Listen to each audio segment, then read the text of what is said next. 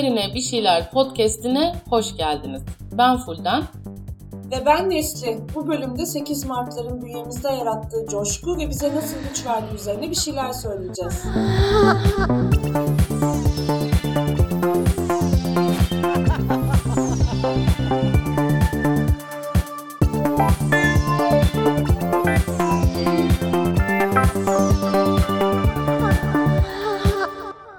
Her sene uyandığımda oh be sonunda bugün geldi dedim birkaç günden biri 8 Mart. Onun yürüyüşü zamanı da aynı coşkuyu hissediyorum. Oh be diyorum ya. Geldi, geldi sonunda bu mübarek günler. Valla bende de aynı neşe oluyor. Her sene olduğu gibi bu sene de var. Böyle camdan sarkıp bağırmak istiyorum. Bugün 8 Mart, Dünya Kadınlar Günü, Feminist Mücadele Kutlama Günü. Haydi! Falan diye. Zaten tam da bunu bağırmak için feminist gece yürüyüşümüz var. Mis gibi bir sürü farklı şehirde. Ben de Ankara'da olacağım. Ee, Ben de İstanbul'da olacağım. Ee, Yalan söylüyorum. İstanbul'da da olamayacağım. Çünkü iş güç e, yetişmedi. Bu akşam gidemeyeceğim gibi görünüyor. Zaten birkaç kez de denk geldi. 8 Mart'larda hep böyle gecenin bir körüne kadar çalıştım. Bu sene de öyle olacak. E, hatta bir kere sanırım 2019'daydı. Küresel bir kadın grevi vardı. Sosyal medyada şey işte 14 falan farklı değil de kadın grevi var yalnız bugün çalışmıyoruz 8 Mart'ımız falan diye paylaşım yapıyordum ama bir yandan mail, atıyordum aşağıdan seri bir şekilde. E, zaten akşam 8'de başlayan 7.30-8'de başlayan ve benim bu hayatta en iyi hissettiğim yerlerden birine gidemeyecek olmam yeterince üzücü bir durum benim adıma. Umarım e, gidenler benim üzüntümü alırlar. Onlar harika vakit geçirirler. Yani aslında e, 8 Mart'lara neden ihtiyacımız olduğunun da bir kanıtı az önce anlattığım hikaye. Evet.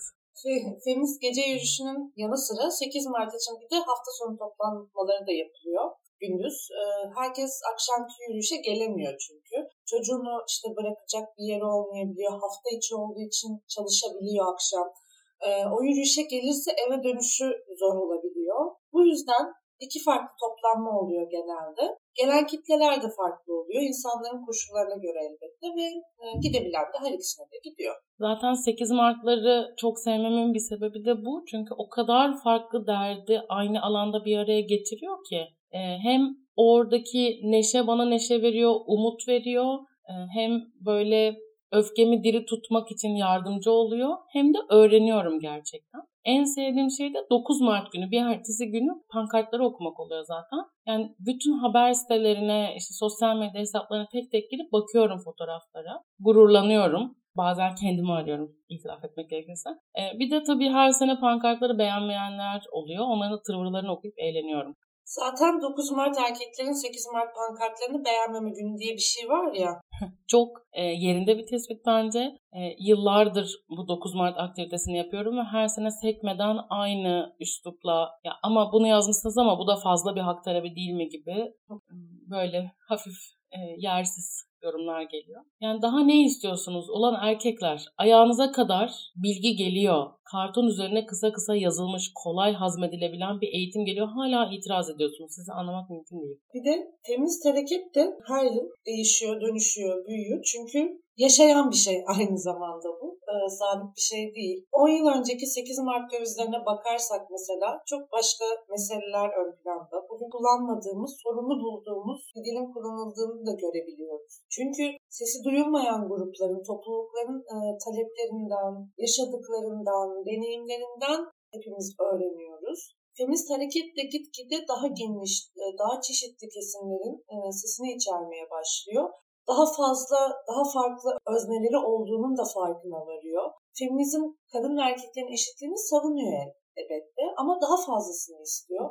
Asıl e, işte bu erkeklik dediğimiz şeyin e, ataerkinin yarattığı e, sistemlerin altında ezilen herkesle ilgileniyor aslında. Bunlardan zarar gören herkesten e, cinsiyetçilikten, işte patriarkadan, güç alanları kimi yıpratıyorsa onun derdini dert. E, feminizm kadın erkek eşitliğini talep etmekten fazlasıdır derken şu da karşımıza çıkıyor. Diyelim ki bir LGBT artı bir ayrımcılık yaşıyor. Şöyle bir şey yok.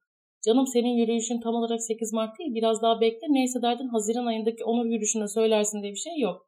Neden? Çünkü hareketler devlet daireleri değil.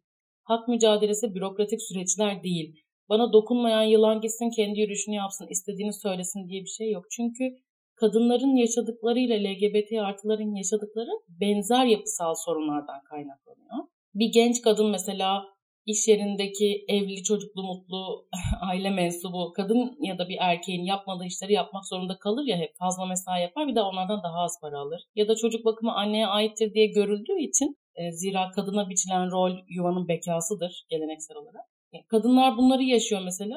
Kadınların bunu yaşamasına sebep olan aynı bakış açısı bir trans erkeği de yeterince erkek görmüyor. Ya da bir non-binary kişi yani ben ne kadınım ne erkek ikisi de değilim diyen bir kişiyi hayır canım sen doğduğunda uzuna bakarak sana ne dediysek olsun diye diretiyor. Trans kadına sen aslında kadın değilsin diyor falan falan. Bunlar zaten bahsettiğim LGBT artıların yaşadığı şeyler daha insanın kim olduğuna ilişkin temel 101 dertler ya. Bir de bunun bu insanların nasıl bir sosyal hayat yaşadığı, minibüse bindiklerinde kimse bunlara ters ters bakıyor mu? Çalışabiliyorlar mı rahatça? Çalıştıklarında güvenceleri var mı? Nasıl bir muamele görüyorlar iş, iş yaptıkları yerlerde? Hasta olduklarında hastaneye gidip tedavi olabiliyorlar mı? Yoksa doktor ben bu sapığa bakmam mı diyor. Ev kiralayabiliyor mu? Herkesin hayatında bir evresinde girer ya ben kimim şimdi bir, diye bir arayışa. Öyle bir arayışa girdiğinde yapayalnız mı hissediyorlar yoksa etraflarında izlediği dizilerde ya da kendine benzeyen biri var mı gibi gibi say say bitmeyecek bir sürü mesele var. E, LGBT artıların yaşadığı feminizmin de bir parçası olarak görülmeye başlayan son yıllarda. Gittikçe daha fazla feminist bir bakışla anlamaya, yorumlamaya, derdine derman olmaya çalışılan. O yüzden feminizm kadın erkek eşitliğinden fazlası. O yüzden artık çağrılarda kadın artı gibi bir tabir görüyoruz. Zaten şeye hiç görmüyorum. LGBT artılarda da yani pek çok kadın LGBT artı da var. Kadınla LGBT artı hiç kesişmiyor. Bunlar apayrı dertler değildir. Ortaklıkları vardır.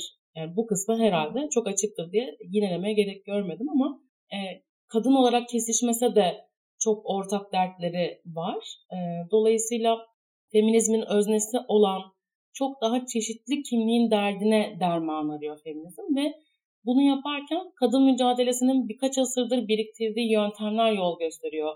Bu yeni yeni, daha görece yeni yeni konuşabilmeye başladığımız dertlere. Evet farklı deneyimler yaşıyoruz ama biliyoruz ki yaşadığımız zorlukların kaynakları birbirine benzer yerlerden. O farklı deneyimlerimiz zaten aslında işte her şeyi daha e, önemli kılıyor. Bu senin kurduğun çerçeveye de aslında zaten e, kesişimsellik deniyor. Diyor ki e, kesişimsellik e, cinsiyet, işte cinsel yönelim, ırk, engellilik, yaş gibi kategorileri e, birbirinden bağımsız değil.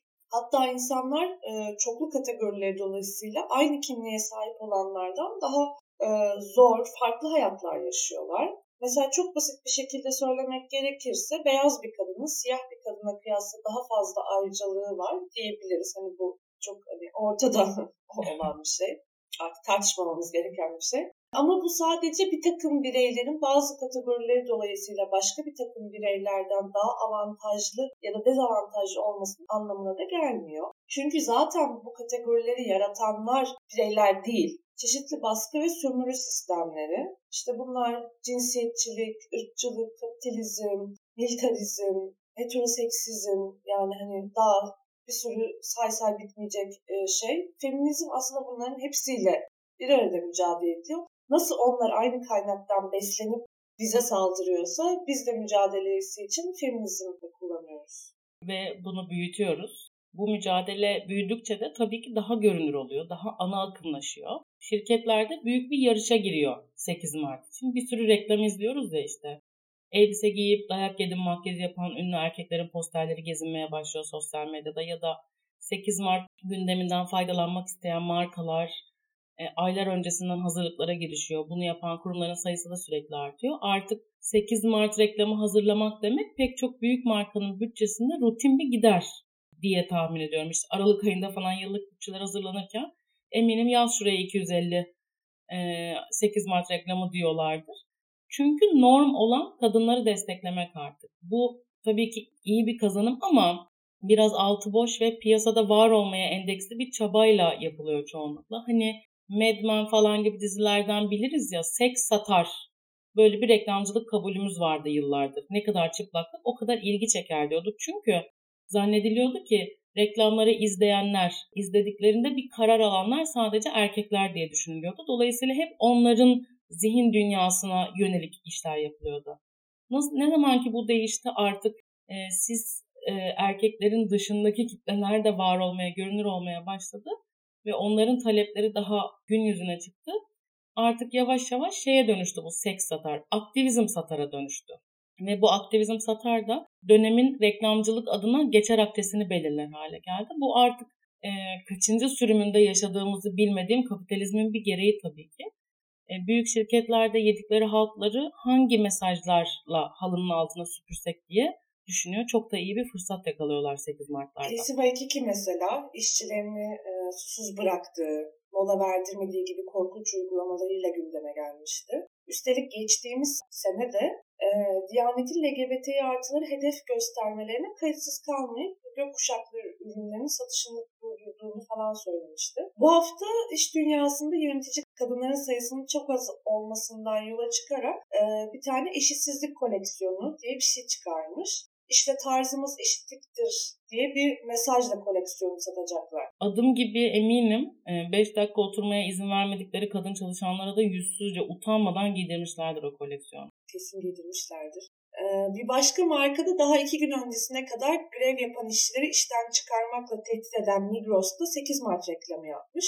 Kadın üreticilerden mal alıyoruz, bilmem kaç bin kadın çalışanımız var, hep birlikteyiz, zart sürt diye e, kadınlarımız falan diye işte imaj toparlayabileceğini düşünüyor. Bunu farkındayız. Hiçbirimiz de o kadar saf değiliz. Yani kadınlar, aa kadınlar mı dedi hemen boykotumu bitireyim, işçileri perişan eden Migros'a koşayım, alışveriş yapayım demiyoruz. Bu reklamlar e, yani tamamen imaj ve tercih edilebilirlik için bir kefaret ödeme mantığıyla yapılıyor zaten. Ne kadar e, altı boş oldukları da bilmem kaç kilometre öteden rahatlıkla görülebiliyor. Bir de kim bilir kimler hazırlıyor mesajları ajanslarda o da var yani. Tabii tabii o e, mesajları hazırlayan hisli ajans fuckboyları sizi tanıyoruz ve ne yaptığınızı biliyoruz. O yüzden e, feministlerin verdiği yaşam mücadelesini alıp içini boşaltıp sonra aynı kadınlara siz harikasınız diye kakalamanızı yemiyoruz tabii ki. Kimse de yemiyor. E, yıllar önce kadınlar çiçektir, su ister diyen ve işte kadınların narin, bakıma muhtaç, e, el üstünde tutulması gereken insanlar olarak yansıtan reklama yıllardır kadın kadındır, çiçek babandır diye cevap veriliyor yürüyüşlerde. Kesişimsellik dedik ya aslında tam da bu işte. Kadınlarımızı çok seviyoruz gerçekten diye reklam yapan Migros'a ya sen hayırdır işçini grev yaptı diye kovmaya kalktın. Ya da LCY2'ye sen dükkanında gökkuşağı rengi görünmeyecek diye ürünlerin satışını iptal ettin. Sen neyine eşitsizlik koleksiyonu demek tam olarak kesişimsellik. Vallahi 8 Mart üzerine konuştukça heyecanlanıyorum ben bir yandan. Zaten 8 Mart'ın kendisi inanılmaz heyecan verici. O kalabalık, işte düdükler, ziller, çeşitli başka başka müzik aletleri, işte bir özenle hazırlanmış e, aşırı kıskanacağım pankartlar, neşeli yüzler, dayanışma hali falan. Bakalım neler göreceğiz bu akşam. E, şeyi görebilirsin canım. E, barikat ve biber gazı mesela. Zira İstanbul'da valilik yasaklamış 8 Mart'ı bir gelenek olarak. Evet ben de gece gördüm. Taksim'in her yerini polis barikatlarıyla daha şimdiden çevirmişler. Ama yani hani gelsin devlet gelsin JOP o zaman. Ondan mı korkacağız? Bunu da dedikten sonra şunu da eklemeden geçmeyeyim. Yani korkabiliriz bu arada. Bu ülkede neler olduğunu e, hep görüyoruz. Ülke bize kronik bir anksiyete sahibi yaptığı için hani korkmakta çok hakkımız.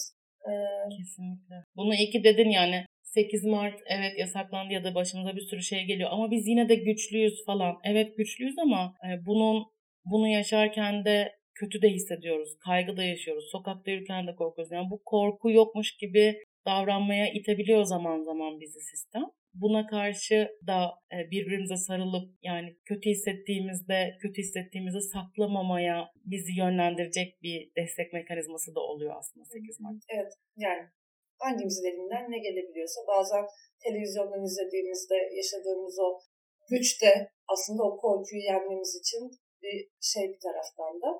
Yani o hal dönemlerinde bile Türkiye'nin her yanında bombalar patlarken de 8 Mart'larda hep yürüdük bir şekilde. Bir fotoğraf oluyor ya mesela istiklalin yukarısından çekiliyor. O kalabalığı görmek işte. Evet. O her şeye değer oluyor, e, güç veriyor. Yalnız olmadığımı hissediyorum onunla. Gidebilen çok iyi vakit geçirir umarım. Gidemeyen de o fotoğrafı gördüğünde evet yalnız değilim diye hissedeceğinden eminim kesinlikle bana da çok güç veriyor 8 Mart. Zaten gittiğimde genelde gözlerim dolar benim. Baya hani meydana giderim daha bir adım atılmaz benim gözlerim dolmaya başlar. Çok e, düdük müdük falan tıkarım ağzıma kimse ahlamamı görmesin diye.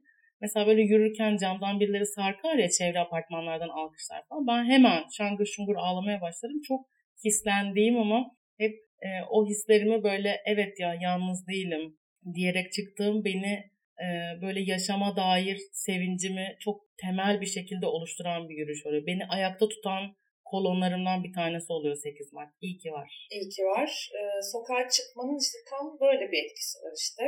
Canlı kanlı hissediyorsun yani yalnız olmadığını fark ediyorsun, yaşadığını hissediyorsun. Başına bir şey gelmez bu insanlar varken diyorsun. Öyle bir bağ oluşuyor orada. Evet korkunç şeyler oluyor Türkiye'de. Yani bazen nefes alamıyorum. Ama işte umut etmek, mutlu kalmak, gerçekten yaşamak için yemek yemek, uyumak işte gibi temel bir şey. Ve 8 Mart kalabalığı da işte seni ayakta tutan o güç, o umudu veriyor. O zaman hadi kalk yürüyüşe. Hadi, hadi gidelim. Yeni bölümü falan da boş verin. Biz nasılsa bölüm çıkınca haber veririz ya da size bildirim geliyordur. Siz bu hafta 8 Mart'ın coşkusunu yaşayın. Bize yeter. O zaman alanda görüşürüz. görüşürüz.